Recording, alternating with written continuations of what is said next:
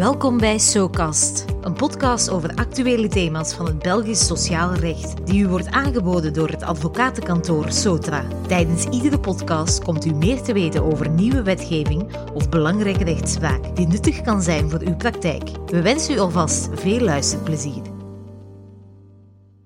Hallo, mijn naam is Johanna Verelst en ik ben advocaat bij het advocatenkantoor Sotra. Ik heet jullie graag welkom voor een nieuwe aflevering van SoCast, een podcast over arbeidsrecht. Het thema van vandaag situeert zich in het raakvlak tussen compliance en HR. We gaan het hebben over de zogenaamde klokkenluidersverplichtingen. Er is inderdaad wetgeving in de maak die een betere bescherming moet bieden aan personen die onregelmatigheden intern of extern melden. Vandaag bespreek ik met Marianne de Waarzegger, partner bij Sotra, deze aangekondigde nieuwe maatregelen. Marianne, kan je misschien in een notendop toelichten hoe deze nieuwe wetgeving ontstaan is? Wel, we hebben het vandaag dus over een voorontwerp van wet voor de bedrijven die tot de privésector behoren. De kans is groot dat dit voorontwerp van wet weldra ook effectief wet zal worden, want eigenlijk had België reeds in december 2021 een wet moeten hebben.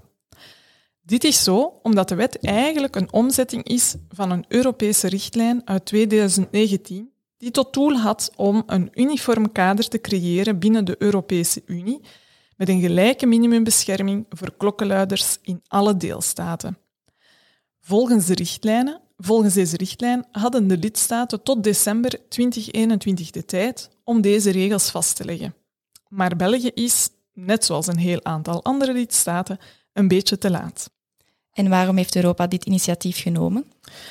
In het kader van de eengemaakte Europese markt bestaan er op Europees niveau heel wat regels en normen waaraan bedrijven zich moeten houden in het algemeen belang van alle Unieburgers. Denken we bijvoorbeeld maar aan zaken zoals productveiligheid, milieubescherming, volksgezondheid, consumentenbescherming enzovoort.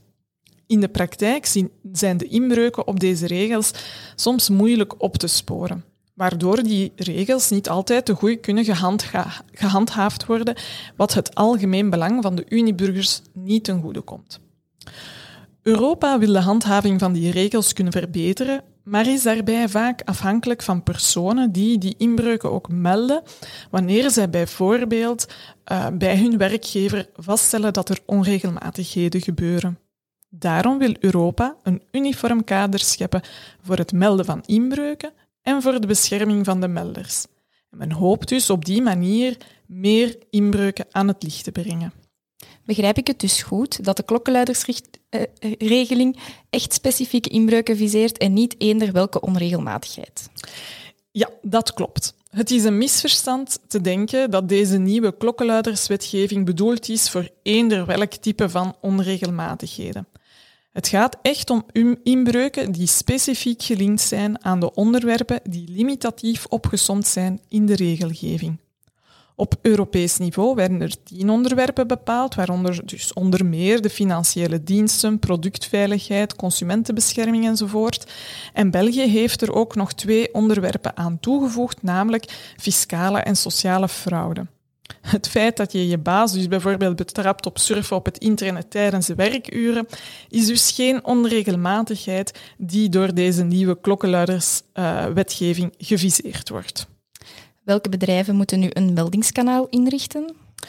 Het inrichten van een meldingskanaal voor klokkenluiders impliceert toch wel een zekere administratieve last voor de bedrijven, zeker wanneer het meldingskanaal ook anonieme meldingen moet kunnen verwerken. Vandaar dat er verschillende verplichtingen gelden al naar gelang de grootte van de juridische entiteit.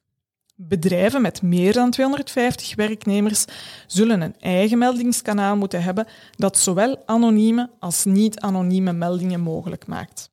Bedrijven die tussen de 50 en 250 werknemers hebben, moeten ook een eigen meldingskanaal hebben, maar zijn niet verplicht om ook anonieme meldingen mogelijk te maken. Bovendien zouden deze bedrijven nog wat meer tijd krijgen om dit te doen, namelijk tot december 2023. Bedrijven die minder dan 50 werknemers te werk stellen, hoeven geen eigen intern meldingskanaal in te richten, behalve dan de bedrijven uit de financiële sector, die ook nu reeds de verplichting hebben om een meldingskanaal te hebben. Betekent dit dan dat kleinere bedrijven helemaal buiten deze nieuwe wetgeving zullen vallen? Nee, zeker niet. De lidstaten hebben ook de verplichting om zelf externe meldingskanalen in te richten. Klokkenluiders hebben dus de vrije keuze om zich tot het externe of het interne meldingskanaal te richten. In bepaalde gevallen kan een klokluider er bovendien ook voor kiezen om informatie publiek te maken. Ook die klokkenluiders zullen dus de bescherming genieten die hen gewaarborgd wordt door de nieuwe wetgeving. En hun werkgevers zullen hier bij gevolg rekening mee moeten houden. Over welke bescherming gaat het dan juist? Wanneer een persoon een melding doet over een inbreuk die door de wet geviseerd wordt en hij heeft bovendien ook gegronde reden om aan te nemen dat de informatie die hij meldt juist is, wel, dan is hij beschermd tegen elk type van represaille of nadelige behandeling omwille van deze melding. Denken we bijvoorbeeld aan ontslag, het niet verlengen van een arbeidsovereenkomst van bepaalde duur, pesterijen enzovoort. Een werknemer die meent dat hij het voorwerp uitmaakt van een represaillemaatregel, heeft het voordeel dat de bewijslast omgekeerd wordt. Concreet betekent dit dat de werkgever zal moeten aantonen dat de maatregel gerechtvaardigd wordt door redenen die niets te maken hebben met de melding. Volgens de huidige teksten geldt deze bescherming zonder beperking in de tijd en ook wanneer achteraf zou blijken bijvoorbeeld dat er toch geen inbreuk kon worden vastgesteld.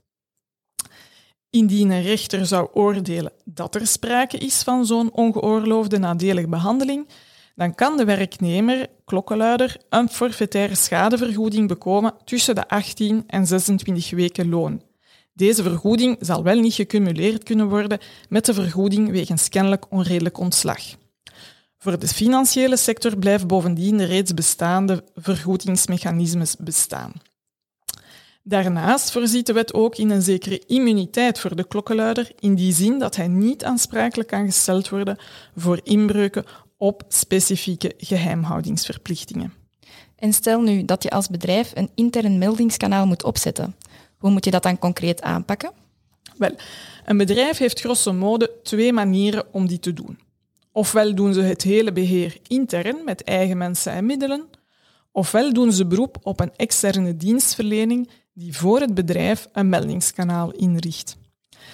Wanneer je het intern doet, moet je rekening houden met de volgende aandachtspunten.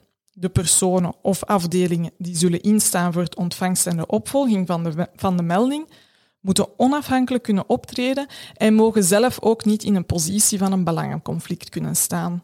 Bovendien moet de manier waarop je je meldingskanaal inricht voldoende waarborgen kunnen bieden in zaken de vertrouwelijkheid van de melding en van de identiteit van de melder wanneer deze een niet-anonieme melding doet. Want ook in dat geval mag zijn identiteit niet zomaar publiek gemaakt worden. Verder moet je ook kiezen op welke manier je meldingen mogelijk maakt. Schriftelijk, mondeling of beide. Wanneer een bedrijf gekozen heeft hoe het meldingskanaal zal ingericht worden en hoe het zal functioneren, dan moet er ook een overleg volgen met de sociale partners. In de eerste plaats de ondernemingsraad, wanneer die er niet is, de syndicale delegatie en indien er ook niet is, het CPBW. Na dit overleg moeten dan de werknemers geïnformeerd worden over het meldingskanaal en de klokkenluidersregeling in het algemeen. Ook bepaalde derden moeten toegang tot deze informatie hebben. Denken we bijvoorbeeld aan externe consultants die in bedrijven werken. Daarom raden wij aan om een en ander vast te leggen in een policy die bijvoorbeeld dan ook op de website van het bedrijf gepubliceerd wordt. En tot slot, vergeet niet dat het meldingskanaal een verwerking van persoonsgegevens inhoudt. Dus als verantwoordelijke voor de verwerking zal het bedrijf deze verwerking ook moeten opnemen in het verwerkingsregister en er melding van moeten maken in de GDPR-politiek van de onderneming. Tot slot, Marian. Is het een optie voor bedrijven om deze verplichting naast zich neer te leggen? Nee, zeker niet. Een bedrijf dat geen meldingskanaal opzet, riskeert immers strafrechtelijke vervolging en zware geldboetes. Bedankt Marian voor deze toelichtingen. Dank voor het luisteren en tot snel voor een nieuwe aflevering van SoCast. SoCast wordt u aangeboden door Sotra, een advocatenkantoor gespecialiseerd in sociaal recht voor de private en publieke sector. Surf naar www.sotra.be voor meer informatie over onze diensten.